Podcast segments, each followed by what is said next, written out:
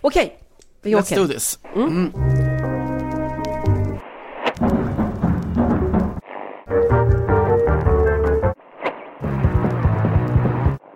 Vi ses på Örjansvall, i Korplunken, vid möten i arbetare kommun och facket.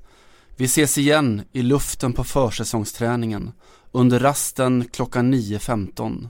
Någonstans mellan mackan och kortleken, en stunds fotboll. Vi ses igen efter en timma och 48 minuter när Erik Niva avslutat en kort inledning av en Viasat-sändning. Välkommen till Fussball Radikal som tysken så träffande säger. Det är klipps av Peps Svensson, det är content mestadels av Johanna Frändén eh, och så jag då, Simon Bank. Hur mår du Johanna? Jag mår jätte, jättefint. Får alltid lite sådär själva när folk pratar om Örjansvall eh, på grund av ett stort eh, frågesportprogram som jag var med i en gång på tv och det tog mig cirka 45 sekunder att klämma fram namnet på nämnd arena. Annars, eh, men jag mådde väldigt bra innan dess kan vi säga. Det var ju så att säga ingen slump att just Örjansvall fick vara med i den där Palme-ripoffen eh, till en start. Jag ville få det att må lite illa. Ja, du lyckades med det. Vill du berätta mer vad det, vad det var du läste upp? Ja, det var ju helt enkelt en para parafras på ett klassiskt Olof Palme-tal som ju har den där eh, helt eh, lysande meningen, raden där han säger eh, någonstans mellan mackan och kortleken, en stunds politik. Eh, den klingar ännu bättre på med, ja, i originalversion helt enkelt men man gör väl så gott man kan va? Fint tycker Mm. jag. En, eh, Vad har vi? en gång till. Vad har vi för något en sån här vecka? Vad har vi? Du, jag har faktiskt ägnat eh, morgonen i alla fall, det är ju tisdag när vi spelar in, åt att förbereda mig på kvällens, eller eftermiddagens match mellan eh, Benin och Algeriet. Eh, det kvalas ju till Afrikanska mästerskapen. Lite i periferin som vanligt för oss i Europa. Eh, det, intressanta, det mest intressanta tycker jag, förutom att Benin ligger lite risigt till och, och eventuellt behöver få revansch på mm, 0-2-förlusten senast mot Algeriet just, så har faktiskt landets fotbollsförbund engagerat eh, allmänheten kan man säga i eh, ett namnbyte. Benins herrlandslag i fotboll har nämligen smeknamnet Ekorrarna. Det är så. Det var, inte, det var meningen att vi inte skulle skratta, men det, det, det, det brast på en gång. Les écureuils du Benin, och, eller du Benin. Eh, och här eh, är det så att eh, man har helt enkelt eh, annonserat om ett namnbyte och vill ha allmänhetens hjälp. Det ligger ett ganska gulligt formulär ute på deras hemsida där man kan fylla i lite vad man tycker om namnet, vad som skulle vara ett bättre annat namn. Det handlar om att man kanske vill ha ett, ett ett eh, smeknamn, någon form av, möjligen ett djur fortfarande, som signalerar lite mer virilitet och styrka. Eh, så det har varit ett ganska stort argument i den beninska fotbollsdebatten på slutet. Eh, Ännu mer intressant är faktiskt att man rakt upp och ner skriver från fotbollsförbundets sida då att man eh, anser att namnet inte för, att det för lite otur med sig. Så att det är också någon form av diskussion mellan eh, lite mer rationella eh, debattörer som menar att man kan inte klaga liksom, på sportliga framgångar på på otur och vidskepelse och sånt för att smeknamnet är, är för gulligt utan man måste börja i en annan ämne med, eller en annan ände då med ett väldigt korrupt fotbollsförbund bland annat och dåliga akademier och så. Eh, Jag vill uppmana alla, jag kommer lägga ut den här omröstningen, jag vill uppmana alla som kan uttrycka sig någorlunda på franska eller i alla fall kan läsa av ett franskt eh, frågeformulär att gå in och lägga sina röster här. Eh, jag ser ingenstans att det skulle vara stängt bara för eh, Benins befolkning. Jag tycker att eh, här är det, det är ett unikt tillfälle att kliva in och hitta på någonting. Har du, har du något? delta, i den, den, alltså delta i den beninska fotbollsdebatten, den har hamnat lite i skuggan de senaste åren i, ur ett svenskt perspektiv kan man känna. Ja, men alldeles, ett alldeles för mycket. tillfälle Att komma tillbaka dit igen, återerövra den, den, den debatten. Har, har du något Eh. sånt favoritsmeknamn? För att det är ju rätt många landslag som har lite roligare kanske namn än blågult och så. Åh herregud, alltså jag, jag vet jag, jag bodde ju en vinter på, på Guadeloupe eh, som ju har återkommit, den Gua- guadeloupianska eh, litteraturdebatten i alla fall har fått sig ett lyft just i veckan med, med det alternativa Nobelpriset som vi fick, som jag får säga då som eh, i alla fall eh, temporär eh, guadeloupian. Mm, fint. Eh, där vet jag att landslaget kallades för Le Gard de Guadeloupe eh, alltså grabbarna från Guadeloupe. Ja, eh. det är lite som Island va? Islands pojkar heter de inte så? Ja just det, sluta krångla till en massa skit. Ja. Eh, lite så. Sen så Benin kan jag, jag kan ju förstå varifrån den beninska fotbollsdebatten kommer för just alltså, eh, vad har vi, Västafrika Benin eller? Ja typ. precis. Eh, alltså i Afrika så, som ju är bäst med världsmästare just i genren med, med landslag och, eh, och smeknamn. Så de har ju en oerhört stark tradition av att ta helt enkelt landets farligaste, mäktigaste djur och, och lyfta upp till, till symbol för, för fotbollsspelarna.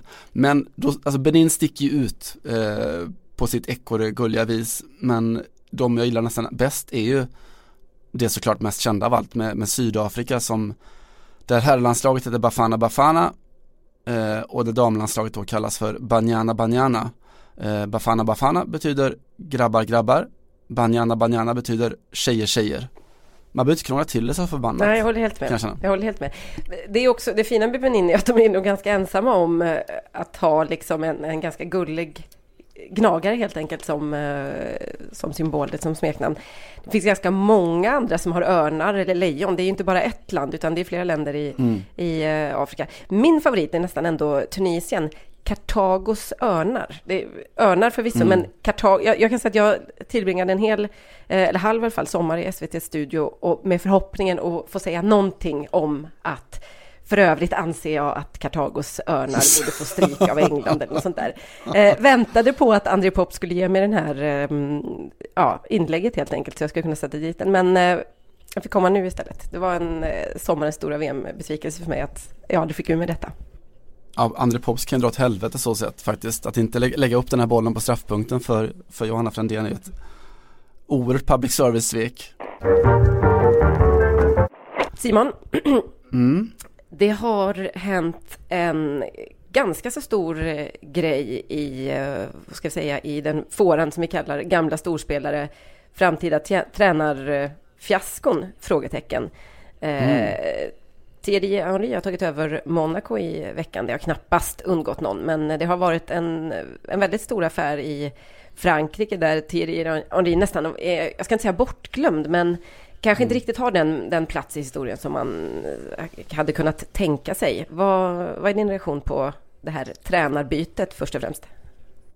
Uh, att det är ju såklart superduper intressant. Det säger ju en sak om, om klubben Monaco som ju är har blivit väldigt mycket någon sorts bara bankomat för ägarna. De, de säljer, de får fram fantastiska spelare, sen säljer de av allihopa eh, och sen så köper de in ett dussintal av världens bästa 17-18-åringar som de hoppas kunna förädla och sälja igen.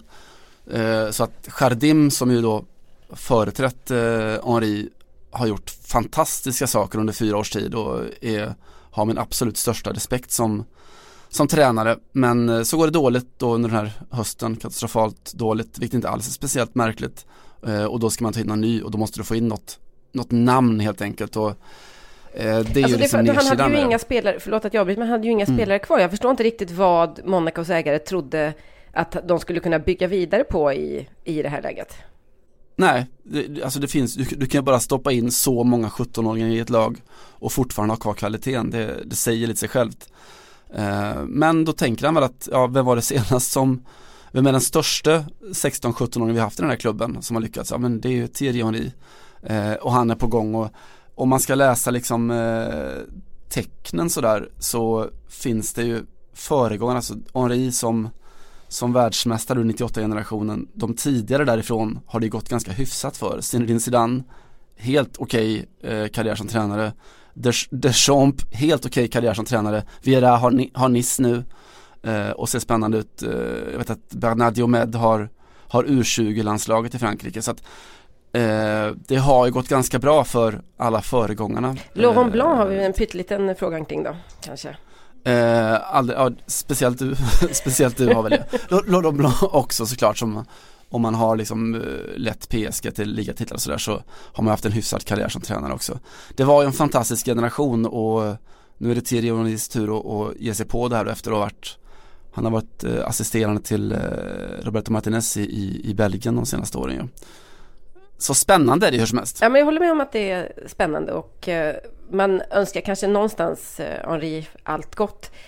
Det är, det är ändå intressant att se hur det här tas emot i Frankrike. Det är nästan som att sista, senaste veckan har inneburit någon form av eh, vad ska man säga, parterapi mellan fransk media och, mm. Eh, och Henri. Det har varit väldigt mycket självrannsakande från franska tidningar. Då. Eh, L'Equipe har gjort en, en lång eh, omfattande serie i tre delar som heter Tre nyanser av Henri för övrigt. Eh, där man går igenom hur det kommer sig att, att Henri liksom försvann från den franska fotbollskartan. Han har ju inte bott i Frankrike och han har inte varit engagerad i fransk fotboll någonting sedan han slutade spela utan han, han var, var ju i USA eh, och eh, inledde väl sin eh, tränarkarriär där borta om jag inte missminner mig mm. efter, efter eh, spelarkarriären. Och eh, har bott i mellan New York och London hela tiden, men London är väl hans bas. Och sen så var det belgiska förbundet, som, precis som du säger, som plockade upp honom.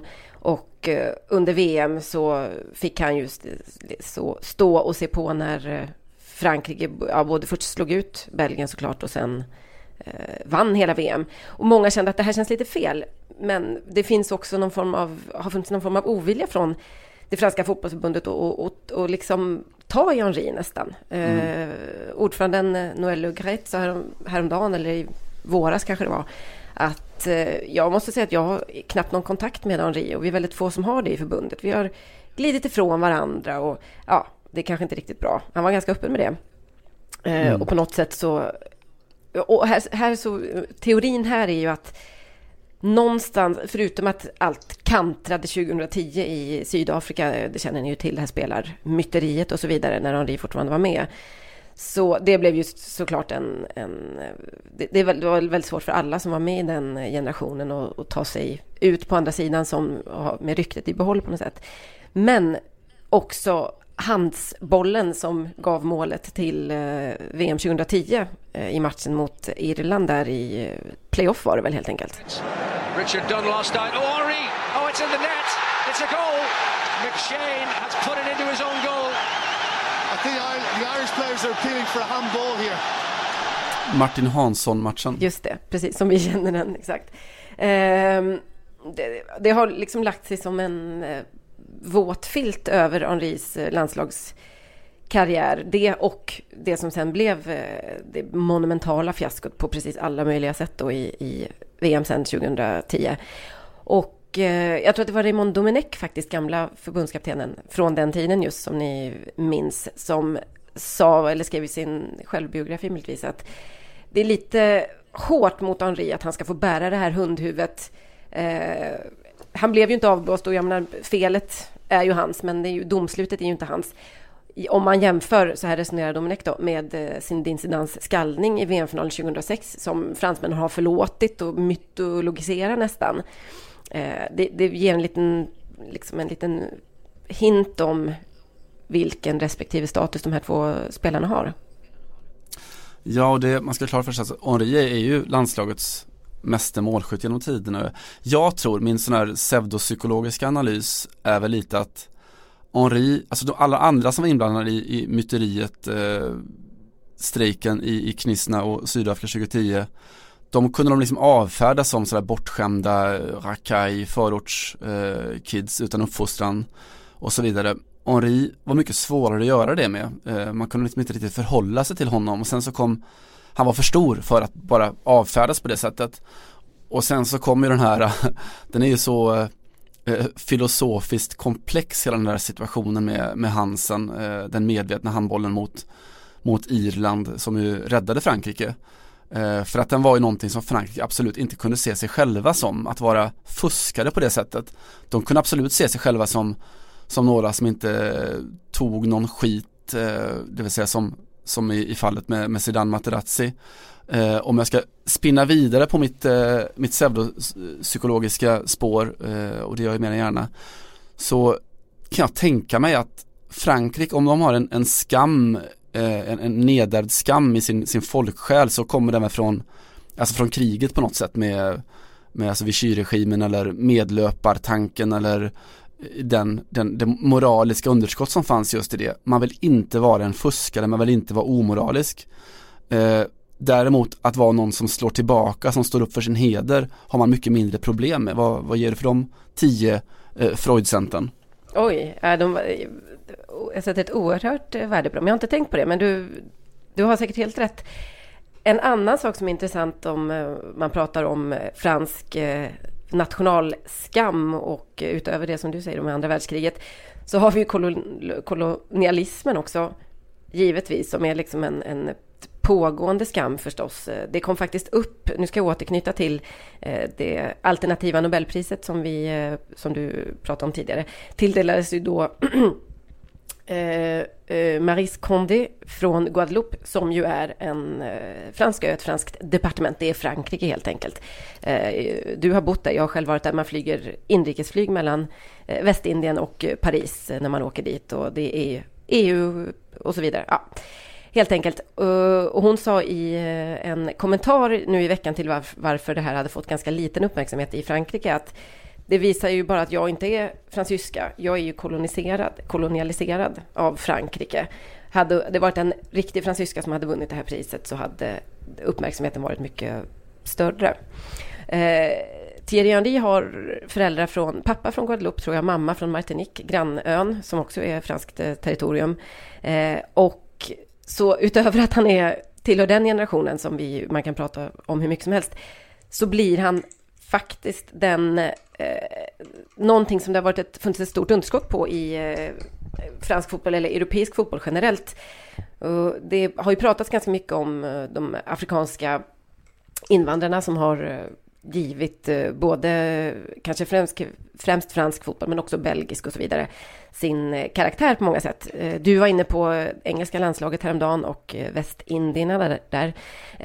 Den otroliga representationen av människor med svart hy helt enkelt i, inom fotbollen och att så otroligt få av dem går vidare och blir tränare.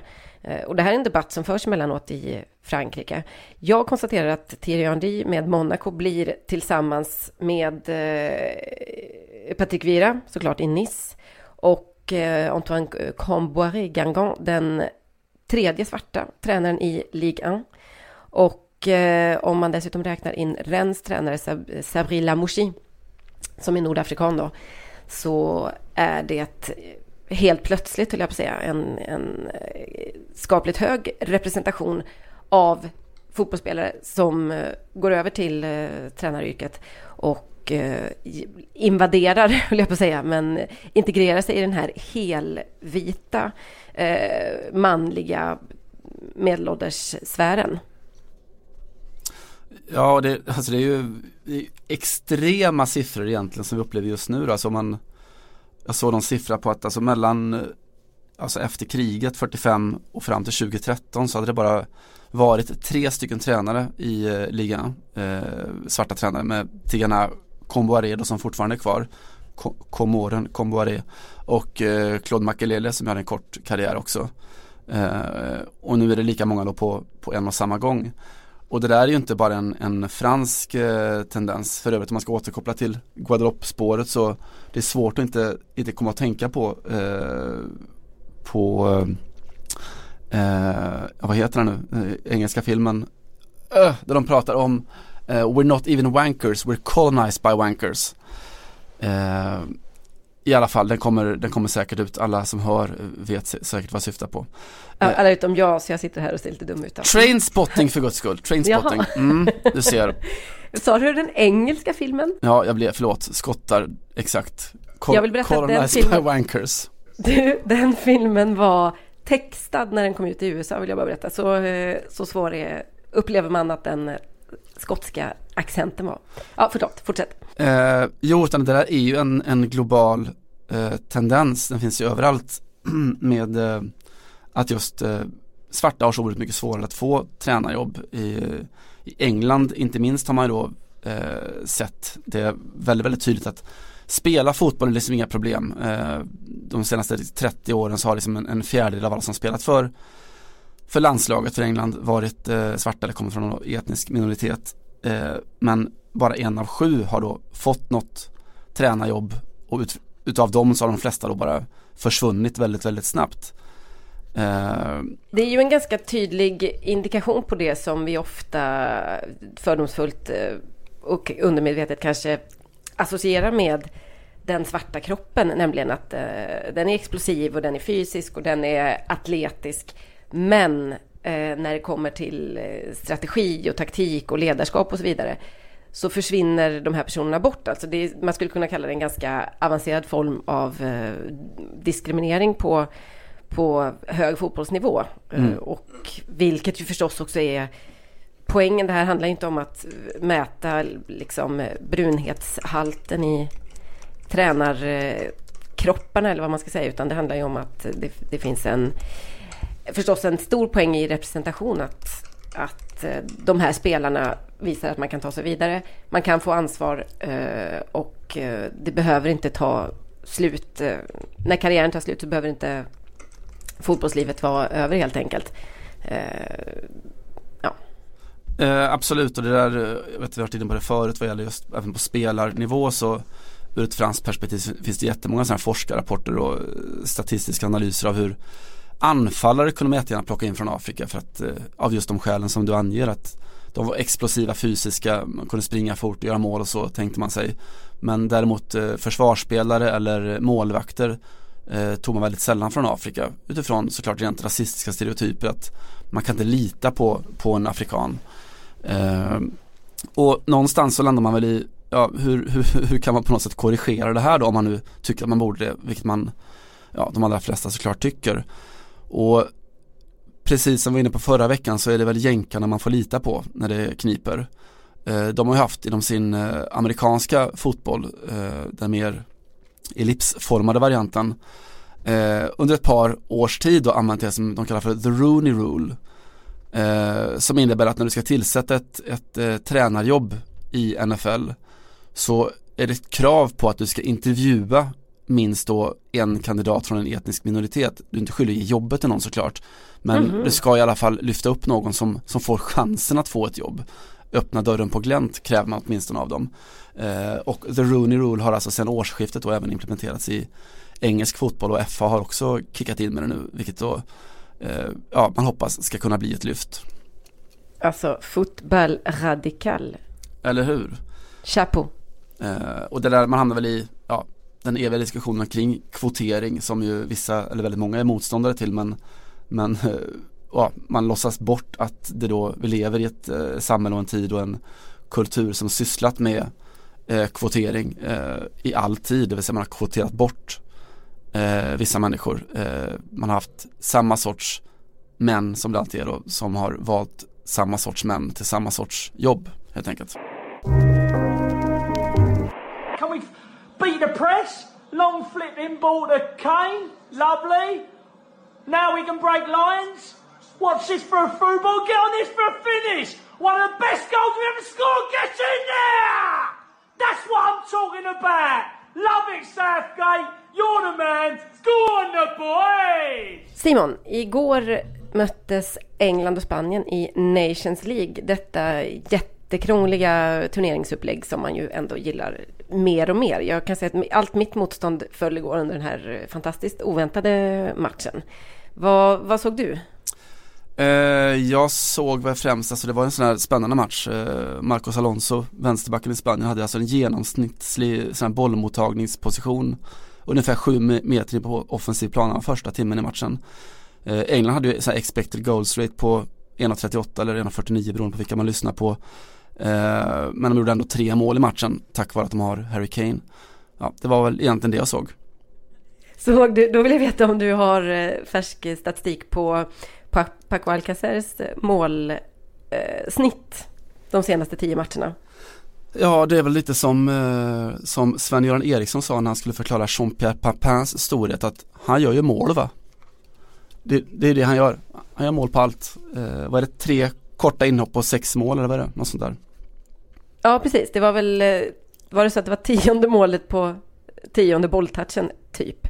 Ja, det var en fantastisk, um, in, eller en, ett fantastiskt inhopp och en helt hysterisk, uh, kan man väl konstatera, statistik. Se hur länge det håller i sig.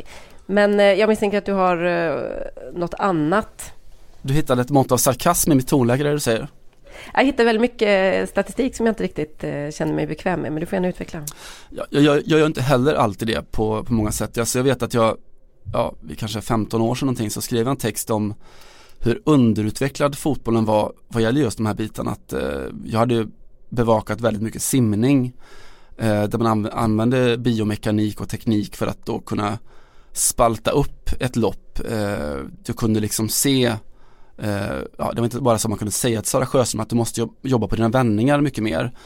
Eh, vilket ju är väldigt, väldigt lös form av fakta, någon sorts ögats tolkningssiffror. Eh, Utan man kunde också visa på att eh, de facto, du tappar ju faktiskt eh, 0,8 eh, ja, sekunder i, i varje vändning du gör då på den som är bäst i världen, som, den som du möter i ditt lopp. Eh, vilket gjorde det, ja, det var ett pedagogiskt redskap helt enkelt som var som var briljant och jag tyckte att fotbollen inte riktigt hade den sortens pedagogiska redskap. Att det borde gå att göra den mycket mer mätbar. Och, kan man säga att du har mm. fått vad du har velat eh, sedan dess? Eh, man kan väl säga lite sådär, be careful what you wish for. jag skulle just säga det. Eh, för där är man ju nu och det där, den debatten eh, tog ju ny fart under, under VM i somras när Jorge Valdano, vår gamle lunchkamrat eh, och eh, förebild och filosof argentinaren skrev en, en, artikel i The Guardian om vår tids besatthet vid statistik då han resonerade kring hur hela liksom, datoriseringen av, av den här sporten då eh, på sikt riskerar att begränsa spelarnas frihet och jag jag Man ville krama ihjäl honom efter den där texten, ska vi bara konstatera det? Alltså väldigt mycket, som man väldigt ofta gör. För att alltså det har ju, den utvecklingen av fotbollen har varit så här totalt explosionsartad då med allt ifrån liksom den här eh, Billy Beans Moneyball som handlar om hur man köper spelare utifrån, utifrån siffror eh, till liksom eh, att idag så mäts ju allting. Det är key pass rate, expected goals, det är passningsprocent, det är det här tyska fenomenet packing om hur många eh, spelare du slår ut med varje passning eh, och så vidare. Och allt det här är jättebra men, men det finns ju någonting kring det att det blir så oerhört eh, maskinellt om det går till överdrift, om man tar det lite för långt. Eh, jag, menar, jag har suttit och lyssnat på tränare som man känner att de har använt sina analysverktyg så oerhört hårt så att en, en högerbacks uppgift blir alltid, alltid, alltid att styra eh, vänsterstrikerns liksom eh, uppspelade bollmottagning in i planen utifrån siffror. Eh, och allt det där är väl helt okej okay och rimligt och bra i, i resultatsträvans tidevarv men det, just det som Valdano är inne på om en spelare hela tiden springer och tänker på exakt den här de här fem uppgifterna som du har i matchen hur ser då hans frihet att uttrycka sig ut alltså fotbollen är ju inte bara matematik den är ju så oerhört mycket annat också eh, och måste få vara det. Det är, då försvinner ju ett visst mått av spontanitet kan man ju konstatera, men kanske också att man eh, tar bort eh, en viss intuition från spelare som ju för väldigt många är ganska bärande i, skulle jag säga, deras talang. Jag tror absolut att det finns en, en sån risk och Eh, jag skrev en text om det i somras och fick ett, ett, ett eh, oerhört bra och träffande mail från en läsare som eh, jag dessvärre då har glömt namnet på, osnyggt. Men han såg paralleller till sin yrkesutövning och han är, arbetar med, med fine dining och cuisine och, och matlagning och restaurangverksamheten och sa att han kände igen exakt samma utveckling i, inom sin bransch. Han eh, pekar på det där som kom för, för 20 år sedan med Heston Blumenthal bland annat då eller El Bulli eh, uppe i norra Spanien eh, med den så kallade här lab laboratorielagade maten. Att man liksom bröt ner smaker i molekyler och analyserade och skickade ihop de andra ingredienser och så fick du liksom en eh, Heston Blumenthalls ägg och baconglass eller vad det nu var. Eh, alltså kemisk eh, matlagning då. El Bouilly, de, deras kockar stod ju liksom i, i labbet halva säsongen och, och sen publicerade då sina, eh, sin, sin övre, sina verk i restaurangen under andra halvan av året. Man känner ju att det är mer eh, kemi än någonting annat. Nu har man inte fått bord på El Bouye som jag har stängt ner, men eh, du och jag var väl på deras eh, bakficka i Barcelona för några år sedan. Mm. Där man får just de här, eh, vad ska man säga, små prov, provrörsmat helt mm. enkelt. Kan man säga så? Ja, man kan absolut säga så. Och eh, enligt då min eh, briljante läsare så sa han att de senaste åren så kan man se hur utvecklingen har svängt tillbaka på väldigt många sätt. Att nu är, nu är kocken tillbaka igen och använder sina sinnen och gör sin analys och sätter ihop maträtten utifrån det. Eh, att, det att det har slagit över väldigt mycket åt andra hållet, att nu är det verkligen sådär eh, ja, tillbaka till grunderna, till, tillbaka till väldigt gammal eh, matlagning igen. Needless to say så slog ju aldrig den här eh, trenden riktigt i Frankrike. Det är klart den inte gjorde. De... Du, innan, innan vi bara, eh, jag vill bara flika in en sak här för att vi diskuterade ju här om, här om programmet säger jag, förra gången kanske det var om eh, fotbollsartister och eh, deras eh, eventuella våndor och om det finns någon, om man kan dra några paralleller till artister i övrigt då, eller konstnärer. Eh, vi pratar om Javier Pastor och så vidare. Eh, det påminner mig om det vi pratar om just nu, det här med matematik och fotboll, om att eh, två spelare som är tillhör världens största, som, som också har väldigt mycket artisteri i, sitt, i sina uttryck, Zlatan Ibrahimovic och Leo Messi, har vad jag vet, båda två hade högst betyg i bild. Alltså mm. det här har gått helt, helt okommenterat i Zlatans fall, men det var väl DN, eh, Björn af Kleen tror jag, som grävde fram hans betyg från, om det var gymnasiet eller högstadiet, där högstadiet måste ha varit där Zlatan hade en femma i bild, för då fanns fortfarande det systemet, vilket är det högsta betyget man kan ha då. Och, eh, vad, vad, säger det om mig att, att, att, när du sa att man har högst betyg i bild så tänkte jag på den tyska tabloiden, det var det. det lät väldigt mycket som en Björn af Kleen-grävning. Ja, precis. Eh, Leo Messi hade faktiskt absolut högst betyg i idrott eh, då, men därefter bild och musik. Och jag, jag vill ju känna att det inte är en slump i båda de här spelarnas fall. Eh, och att det finns en stark koppling mellan fotboll och alltså artisteri och på mm. något sätt frihet att uttrycka sig som du säger. och jag är också en en, jag ska inte säga att jag är liksom en brinnande motståndare till VAR, men jag är absolut rädd för att väldigt många viktiga komponenter i det som gör att man älskar fotbollen försvinner ju mer man gör fotbollen till ett laboratorium. Och det är väl lite på den vägen vi ändå har slagit oss in någonstans nu. Jättefint och apropå din, eller Björn af Kleens spaning så går det inte att ta sig förbi min kanske favorithistoria i alla kategorier när om fotboll. Eh, när Fabio Capello, den gamle engelske, ryske förbundskaptenen och ja, Europacupssamlaren eh, som... Italienska skulle man kunna kasta in i hans nationalitet också om vi ändå Okej okay, då, om vi ska vara sådana. Eh, som vid något tillfälle, jag tror att det var i samband med att det skrevs en biografi om Fernando Torres, eh, ombads sådär, eh, alltså om Capello ska sägas att han är en kulturman, han älskar sin opera, han älskar sin konst. Eh, och så fick han frågan om, eller han ombads helt enkelt beskriva eh, Fernando Torres spel, eller honom som spelare. Eh, och det gjorde han, han funderade ett par sekunder och sen så sa han ett enda ord eller ett enda namn. Hartung.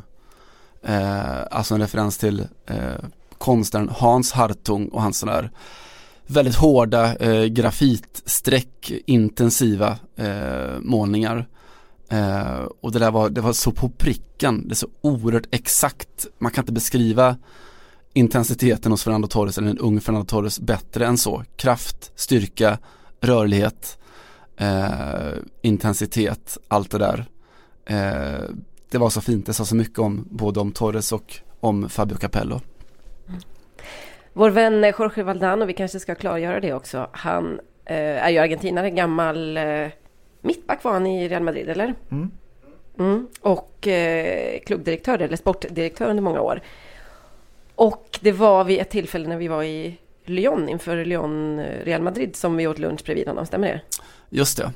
Uh, Real Madrid-delegationen hade fått ett bord på, nu kan vi prata om lite fransk eh, gastronomi igen, för det var väl eh, Paul Bocuse eh, restaurang? Just det, saligt var hans minne.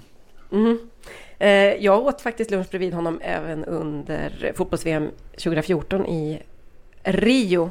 Han, oh, han åt lunch på mitt hotell. Nej, jag gjorde inte det. Men jag pratade med honom vid ett annat tillfälle under någon Champions League-lottning. Eh, det är en riktig gentleman. Han eh, berömde mig lite för min spanska och var, visade liksom där, den där typen av mänskligt, genuint och alldeles normalt konversationsintresse som inga fotbollsspelare längre gör. De bara mm. väntar på att få frågor och ja, vet, låtsas som att man inte riktigt finns. Men, eh, nej, men det här är ju en varm och, vad ska jag säga, det, det är en varm människa. Eh, Jorge Valdano. Vi lägger väl upp hans text i The Guardian så att ni får läsa den om ni missade den i somras. Men eh, den fick mig inte att ändra åsikt om honom kan man säga. Nej, han är mycket, vi tycker mycket om honom. Filosofen kallades han i Argentina. Eh, Selling a little or a lot? Shopify helps you do your thing however you cha-ching. Shopify is the global commerce platform that helps you sell at every stage of your business. From the launch your online shop stage to the first real life store stage, all the way to the did we just hit a million orders stage. Shopify is there to help you grow. Shopify helps you turn browsers into buyers with the internet's best converting checkout. 36% better on average compared to other leading commerce platforms because businesses that grow grow with Shopify. Get a $1 per month trial period at shopify.com/work. shopify.com/work. hade rätt. Simon, vi pratar ju om gastronomi lite grann här och eh, jag tänkte att vi skulle lyssna på ett utdrag från den chatt, eh, läsarchatt som gjordes eh, på Sportbladet i veckan med eh, Sebastian Larsson och Andreas Granqvist. Eh, Andreas Granqvist fick frågan vad han bjuder på när han ordnar en trerättersmiddag och svarade så här. Trerätter, okej okay, så har vi toast Skagen förrätt. Sen blir det grillning till huvudet. Då blir det, det blir lite oxfilé, fläskfilé tror jag. Med pommes och bearnaisesås tror jag. Och en eh, efteråt blir vaniljglass med banan och chokladsås på det med strössel. Det lät ju okej okay, faktiskt. Okay, ja, jag köper det. Kanske inte lagar Och det här blev då föremål för en del eh, skämt och eh, vad ska man säga, spe i sociala medier inte minst. För vad var det här för svennig trerätters eh, middag Andreas Granqvist hade satt upp? Löjromstoast, fläskfilé, glass med strössel och så vidare. Ja, nu, jag nu sitter jag ju här med kanske Sveriges mest ut, välutvecklade smaklökar. På, jag pratar om din tunga Simon Bank. Men vad, är, vad kommer den här kritiken ifrån och vad är det, är det, inte, är det inte bara rakt igenom ganska sunkigt? Eh, du menar att kritiken är sunkig eller att eh, fläskfilén är sunkig? Nej, alltså fläskfilé är inte bra att äta för, för, natur, eller för planeten såklart. Men jag stör mig nog mer på kritiken faktiskt i det här fallet. Ja, fuck planeten. Ja, eh, nej men det är väl vanligt gammaldags eh, inkrökt någon form av Nej, det är inte alls det vanliga gamla utan det är en, en ny form av det vi väl vänligt kan kalla för klasshat eller klassförakt snarare eh, som ju har analyserats väldigt förtjänstfullt, eh, kanske främst av Owen Jones, eh, marxisten eller vänsterrösten i, i England som skrev om hela den här shav-kulturen eh, i England och hur det har Eh, ja, en form av nytt, eh, mer acceptabelt sätt att se ner på på, eh, på underklassen eller dess, dess avsaknad av, av stil och klass. Eh, pun intended. Eh, och då ska man säga att Andreas Granqvist är ju inte underklass på något sätt egentligen. Han är uppvuxen i, i ganska välmående Påarp eh, ute på skånska byrsan. Eh, med liksom, jag tror att hans föräldrar jobbat, eh, i alla fall mamma var kommunalanställd tror jag. Eh, men eh, ja, om man inte kommer åt det så kan man i alla fall komma åt eh, bristen på, eller det man upplever som en brist på smak. Alltså att han inte förstår som en, en eh, ja, Frank Lampard som, som älskade att äta italienskt på någon speciell upscale-krog i i Knightsbridge liksom. Eh, det, det, är min tolkning av det. Min, min känsla är lite grann att eh, det är precis som du säger, det är ju antagligen just det här det handlar om. Eh, och att vi är väldigt dåliga på, ja vi är ganska dåliga på att prata klass överhuvudtaget i Sverige eftersom vi har haft en lång, ett långt politiskt styre som någonstans har fått oss att tro att, eh, att, det, här, att vi inte har, att det inte finns helt enkelt och att eh, de mer eh, sociala delarna av diskussionen också någonstans inte, aldrig riktigt har har satt sig. I England det är ju intressant att du säger det, för vad man än tycker om den brittiska kulturen och den är ju otroligt hård på många sätt. Och, Eh, så är ändå det här med klass, som du säger, en väldigt tydlig eh, identitetsmarkör. Engelsmän och britter är väldigt bra på, på att prata om det här och de alla har på något sätt någon form av medvetenhet varifrån man kommer och vad som, vad som är vad, vilket ju inte, långt ifrån alltid är så särskilt sunt heller såklart. Eh, min känsla är att när det kommer till svenska fotbollsspelare eller svenska ja, idrottsmän kanske generellt i lagsporter, men vi säger, vi tar väl fotbollsspelare då, så är den här frågan, det, alltså vi, vi har, det finns ett glapp mellan vad man har för position i samhället, hur mycket pengar man tjänar och var man kommer ifrån. Så det är ju ganska givet att det blir så. Så har det blivit för eh, Andreas Granqvist, så har det blivit för Emil Forsberg, så har det blivit för de absolut flesta i, i landslaget, givetvis. Det är, de tjänar ju enorma pengar framför allt. Men också kanske det här, det här som, eh, som inte är rent faktiskt eh, kapital. Det är ju inte det enda som räknas. Alltså det som den franske sociologen Pierre Bourdieu kallade kulturellt kapital kommer ju inte med den här typen av karriär som idrottsmän gör. Det innebär alltså bland annat att man inte har eh, de kulturella koderna, man har inte uppförandekoderna för en medel eller överklass, man har inte referensramarna, man har inte kunskapen helt enkelt, man har inte den goda smaken, alla de här sakerna. Och eh, det blir så tydligt när en svensk eh, medie... Nu försöker jag inte säga medieelit här, för jag tycker inte om det ordet, men eh, en medieklick då eh, ska ge sig på det här och tala om att, eh, att Andreas Granqvist har dålig smak när han ska bjuda på eh, tre rätter. Först och främst, förutom att jag inte äter kött, tyckte jag att den var, det var en alldeles briljant eh, meny, vill jag också säga till hans eh, försvar. Glass är gott och så vidare och grilla är trevligt och socialt dessutom. Men det, det fick mig också tänka på när Sportbladet inför VM gjorde en genomgång om, där man pratade med föräldrarna till alla i, i landslagstruppen och eh, frågan vad de hade blivit om de inte hade blivit fotbollsspelare. Eh, Och frågan har ju ställts. Och där väldigt, väldigt många av de här eh, landslagskillarnas föräldrar säger, jag, jag, kan ta ett svar som Emil Forsbergs pappa eh, levererade på frågan vad hade Emil blivit om han inte hade blivit fotbollsstjärna? Då säger Emil Forsbergs pappa så här. Eh, det är väl som hans tjej Changa sa. Han skulle förmodligen blivit arbetslös. jag, jag har faktiskt ingen aning om vad han skulle ha gjort efter han var så tidigt ute i fotbollslivet och inte har pluggat något. Han hade kanske jobbat i någon affär. Mm. Eh, och den här idén om jobba i butik, jobba i affär återkommer ganska ofta i eh, de här intervjuerna. Att många tror att det hade varit eh, fallet då, om inte eh, Andreas och Viktor och så vidare hade blivit eh, fotbollsstjärnor. Och att det också säger någonting om eh, det här som vi aldrig nästan, som inte vårdar ordentligt i Sverige, nämligen varifrån eh, våra fotbollsstjärnor kommer till stor del och eh, hur eh, svårt vi har att hantera, alltså att prata om de här, eh, om de här grejerna ut, ut, utifrån, utifrån ett eh, vad ska man säga, ett, ett klassperspektiv som du säger. Utan att istället bli att man hånar det då och talar om att eh, de har dålig smak. Och, eh, det här återgår ju i ganska många diskussioner kring fotbollsspelare. De har fula kläder, de har blingade bilar, de har hemsk inredning och så. För att det finns, det ligger nästan alltid någon form av nyrik är över eh, mm. deras livsstil.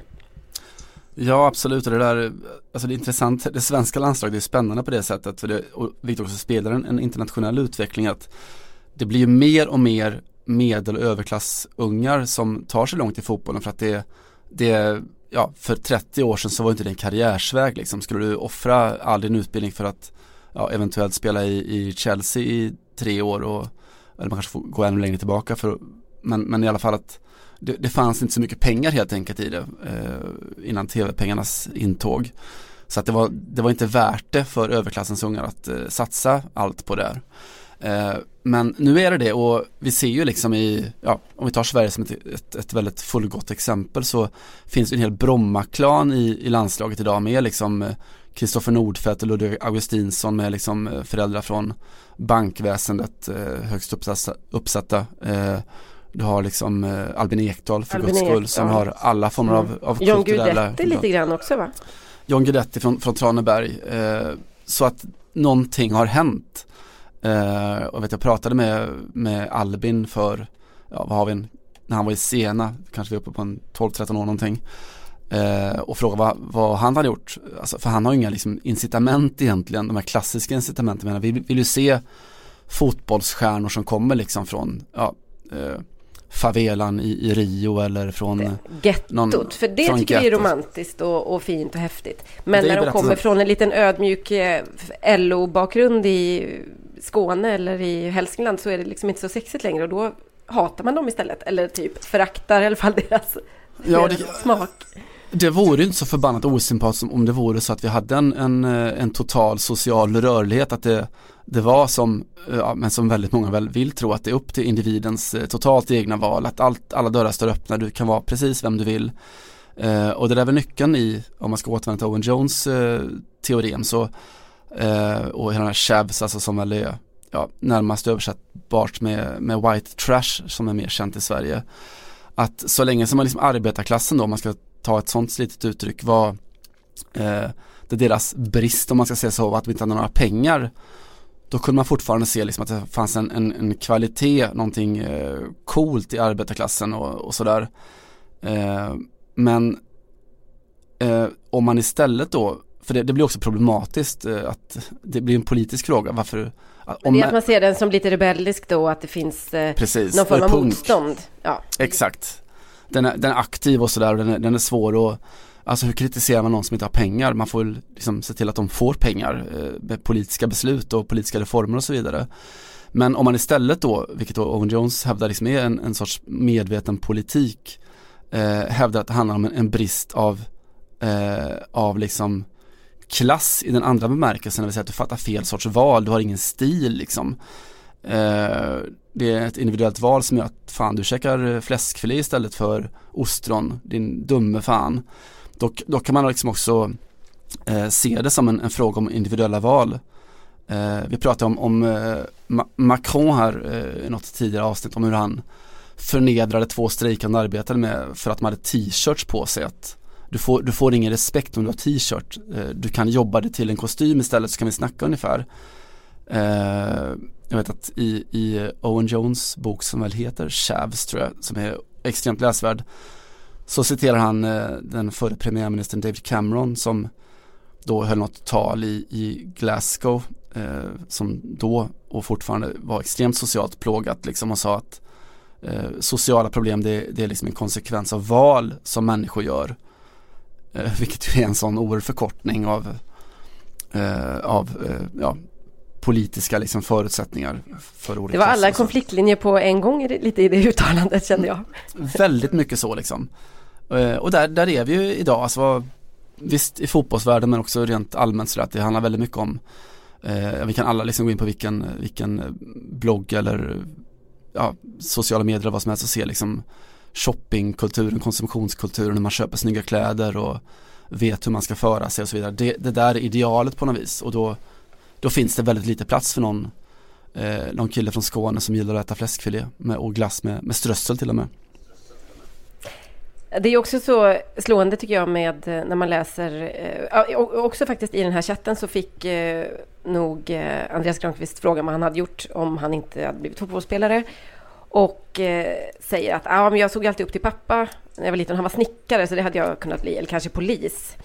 Och i eh, Aftonbladets inför-rep då, som vi kallar det, reportaget inför eh, VM, så säger eh, den av hans föräldrar som uttalar sig just om, om Andreas Granqvist att han, det har alltid bara varit fotboll som har varit eh, intressant för honom. Men eh, en gång när vi hade en grävmaskin hemma så sa han att han hade kunnat tänka sig att köra grävmaskin. Det är nog närmast vi kan komma någonting annat än fotbollen. Mm. Säger eh, Rosmarie Granqvist, eh, Andreas Granqvist eh, mamma. Det är lite samma sak här tycker jag också. Väldigt många eh, idéer om att eh, fotbollsspelare sp- kommer från, återigen då som du säger, favelan, gettot, jättefattiga omständigheter. Tar världen med storm och gör liksom, eh, ja, gör egentligen uppror mot alla förutsättningar som de föddes med någonstans. Men alltså jag, kan, jag kan känna att eh, 2018 i, precis som du säger, i liksom influencers och bloggarnas och fondväggarnas eh, och den goda smakens tidevarv tycker jag fan att det är en motståndshandling att eh, vilja köra grävmaskin eller bli snickare och äta en liksom tre trerätters grillmiddag för att det är helt trevligt. Jag högaktar Andreas Granqvist ännu mer efter det här eh, uttalandet. Jag tycker att han är, eh, och, och det är fel på världen när vi har problem med den här typen av eh, trerättersmeny. Jag håller med och jag vill foga till en sak då i just den här pågående utvecklingen som gör att de här eh, hävdvunna historierna, framgångshistorierna om pojkarna från favelan eller Clint Dempsey från Trailer Park, Texas eller ja, eh, de här afrikanska underbarnen barfota. Eller Zlatan lite grann också. Eller Zlatan, absolut. Eller, mm. ja, vet, de från Abidjan, Jämtlandskusten eller, eller vad du nu har. Det är, det är den klassiska framgångshistorien inom fotbollen. Eh, idrotten ser inte längre riktigt ut så och den kommer framförallt inte se ut på det sättet. Jag vet, det finns sådana här väldigt talande siffror från, från USA, från NBA-basketen som ja, det finns inget större skäl att förutsätta att den skulle vara väldigt annorlunda från, från eh, vår europeiska fotboll där, där man ju tänker att det är liksom eh, unga eh, African Americans from the projects som tar sig dit. Men det finns då siffror om att eh, alltså kommer du från underklassen så har du 37% eh, sämre odds att ta dig till NBA jämfört då med, med unga från, från medel eller överklass. Eh, är du vit dessutom så har du 75% lägre chans att ta dig till NBA jämfört med vita medelklassungar eller, eller överklassungar. Och sådär, det finns massa sådana siffror liksom om du kommer från en, en familj utan, utan eh, där du inte har två föräldrar närvarande och så vidare så, så sjunker också liksom ration för att kunna ta dig till en framgångsrik basketkarriär och så. Så att det där med ja, underklasskillarna och, och tjejerna som tar sig fram i sportvärlden, eh, det är inte riktigt så längre. Nej. Nej, precis. Och det kanske, ja, där kan man också kanske se Zlatan som det någonstans optimala beviset på eh, en individuell superkraft. Alltså det att han, att hans stora talang i livet, alltså vid sidan av såklart fotbollskunnandet, är ju att han har hållit ett sånt enormt fokus och varit så extremt seriös i sin satsning. Och jag tror inte att folk förstår hur mycket frestelser det finns för en sån som Zlatan. Ja, alla som slår igenom så tidigt, men kanske extra mycket när man kommer från eh, Zlatans bakgrund, alltså med mm. hem, hemförhållanden som är, som är osäkra och ja, alla känner ju till historien. Så är alltså, och ofta det som fäller avgörandet för talanger finns det miljontals, men de som går långt har ju oftast antingen en eh, väldigt trygg bakgrund med goda förutsättningar, just som du säger. Och det syns i statistiken såklart. Eller så, har de en, så är de den här typen av eh, urkraft som Zlatan Ibrahimovic är. Man har bara en sak i huvudet och ett extremt eh, fokus. För annars är det för svårt helt enkelt. Den, den nyckelinvändning är det för att man, eh, ja, vilken är Zlatans främsta talang? Det är talangen att veta hur man gör det mesta av sina talanger. Det, det, är den absolut avgörande centrala talangen som han hade var ju just den här besattheten att träna mest av alla, tävla bäst av alla och så vidare. Och eh, det är också sådär baksidan av hela historien med Zlatan någonstans är ju att den är så oerhört tacksam och lätt att använda för argumentet att ja, titta vem som helst kan bli vad som helst. Medan han är det extrema undantaget från regeln att vem som helst kan inte alls bli vad som helst. Just det, exakt. Eh, jag skulle bara avsluta det här eh, segmentet med eh, blänkaren till Victor Nilsson Lindelöfs mamma, Ulrika Lindelöf. Mm. Vad hade Victor blivit om han inte hade blivit fotbollsstjärna? Sportjournalist. Han tycker om att läsa och skriva och jag vet att han har pratat om att det vore ett, ett intressant jobb. Så är det med det. Tre rätt, okej. Okay. Yes, eh, nästa sommar så är det ju VM-dags igen faktiskt och eh, senast in genom den stora VM-dörren är ju USA som körde över Jamaica i helgen och roligast med det var väl egentligen att det var väldigt många fina mål som man kan eh, piratjobba fram på nätet, eh, tycker man ska göra och det finaste, kanske av alla, det bästa avslutet av alla i alla fall var från Megan Rapino som skickade upp den i första krysset eh, mycket elegant och eh, just Megan Rapino är väl någon som förtjänar att lyftas fram som en profil eh, kan man väl säga om vi ska ta fram den programpoddpunkten. Eh, visst förtjänar hon det? Absolut. Mm. Ja, ja, gud ja. Det, är, alltså, det finns otroligt många i, inom amerikansk damfotboll som eh, förtjänar en egen staty. Men eh, de kan väl få börja med att bli profiler i alla fall, våran podd.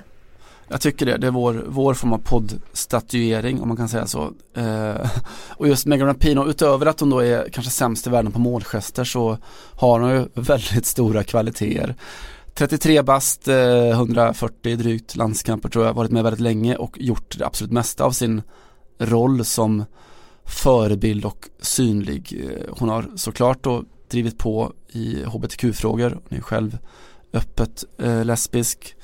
Eh, och ja, även om hon försvann från radarn lite sen hon lämnade Lyon då, den europeiska radarn i alla fall så i USA så har hon sannerligen varit synlig. Hon var ju också delaktig eller tog rygg på eh, Colin Kaepernick som vi har snackat om här förut, den amerikanska fotbollsspelaren som protesterade mot diskriminering av svarta genom att knä under nationalsången. Eh, det gjorde Megan Rapinoe också, eh, vilket då ledde till enorma kontroverser i, inom amerikansk soccer.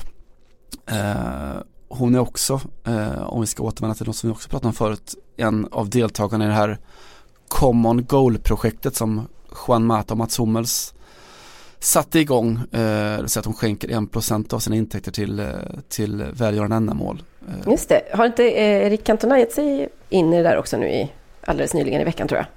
Eh, det stämmer nog tror jag. Cantona som ju bara för några år sedan föreslog att han drev på den här äh, franska processen att alla skulle ta ut sina pengar från bankerna för att sätta dit äh, eh, de eh, äh, gangsterbankerna. Eh, det gjorde ju inte alla, vet att Lekip hade någon skämtteckning om att bankerna gick ungefär noll eftersom Zinedine Zidane hade skickat in alla pengar som han fick från Qatar samtidigt så att det var ett nollsummespel för dem. Ja, det är en så smutsig värld det här. Ja, gud ja. Men eh, i den smutsiga världen så finns en blonderad fyrbåk som heter Megan Rapinoe som spelar VM igen i sommar och vi lyfter på vår lilla poddhatt, vår poddbasker för henne tycker jag. Eh, och med det gjort så, ja vad gör vi då? Vad gör vi då? Vi ber dig att när du ändå är on fire leverera ett kulturtips kanske? Mm, jag kan väl göra det och det var så i, i förra veckan så var jag ju i i den ryska exklaven Kaliningrad eh, som man är eh, och bockade av ett eh, hål i min geografiska eh, karta på något vis. Det var spännande på jättemånga sätt och efter, eftersom jag är småbarnsförälder så var det också ett ypperligt tillfälle att få, få sova en hel natt och sådär. Eh, problemet var att när jag var färdigjobbad en bit efter midnatt så bestämde jag mig för att också ta ikapp eh, ett kulturellt underskott och titta på lite film. Och det har ju kommit ut eh, först i vår eh, och sen då i, i dagarna här två stycken filmer om Utöja attentaten, attentatet. Eh, och då kan jag ju kanske tipsa eh, om främst ett av dem och varna lite för det andra. Eh, det som kom i våras eh, var den här norska filmen Utöja 22 juli eh, av Erik Poppe eh, och Eh, sen i dagarna så släpptes på Netflix en eh, amerikansk eh, Paul Greengrass-film som heter 22nd July. Och om vi ska börja med den amerikanska filmen så är den eh, precis det som man eh, hade fruktat av en, en film om den här vidriga händelsen. Alltså den är spekulativ, den är tom, den är grund och den är fruktansvärt otäck och gör att man inte kan sova fast man skulle. Eh, den norska filmen däremot då, eh, Ute 22 juli av Erik Poppe är eh, andlöst vidrig. Eh, den har i princip då raderat bort eh, gärningsmannen Anders Behring Breivik. Han syns inte, han nämns inte vid namn.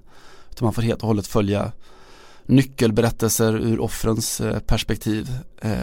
Och någonstans kan man väl känna att Behring Breivik förtjänar inte sin plats i historien. Han är någon form av sån här drakar och demoner rasist som bygger upp sin egen eh, starka historia, gör sig själv oändligt mycket viktigare än han är. Han eh, väger liksom ingenting mer än vad de här stackars människorna som han tog livet av, det är hans arv, ingenting eh, annat. Och vill man få en känsla för det så tycker jag man ska se på på Utöja 22 juli och helt och hållet hoppa över eh, 22nd July. Eh, det får bli mitt tips. Eh, och efter det så lämnar jag över musiken till eh, dig Johanna. Som man ju gör. Mm. Eh, ja, jag eh, tänkte att vi skulle ge oss av och ta eh, Kylian Mbappé i handen. Jag ska faktiskt dra iväg och titta på Frankrike-Tyskland ikväll i Nations League. Det kan bli möjligen Jogi Löws svanesång och inte så bra just nu. Det går ganska så mycket bättre för Kylian Mbappé och då vet ni hur det brukar bli eh, hiphopartisterna, rapparna brukar få upp ögonen ganska snabbt för de här eh, killarna.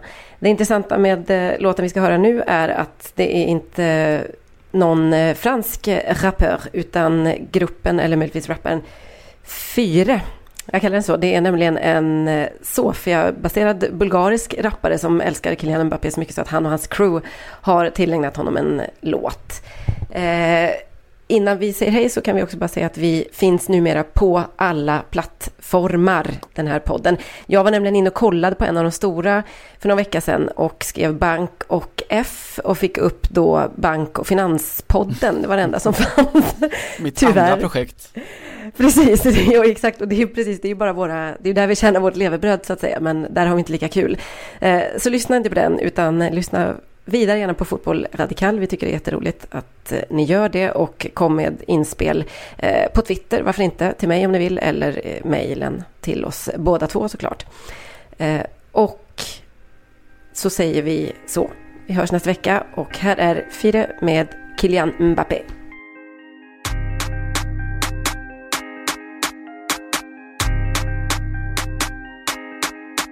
Moi champion, Kylian Mbappé, när hon Kylian Mbappé Точен винаги Kylian Mbappé Кръстов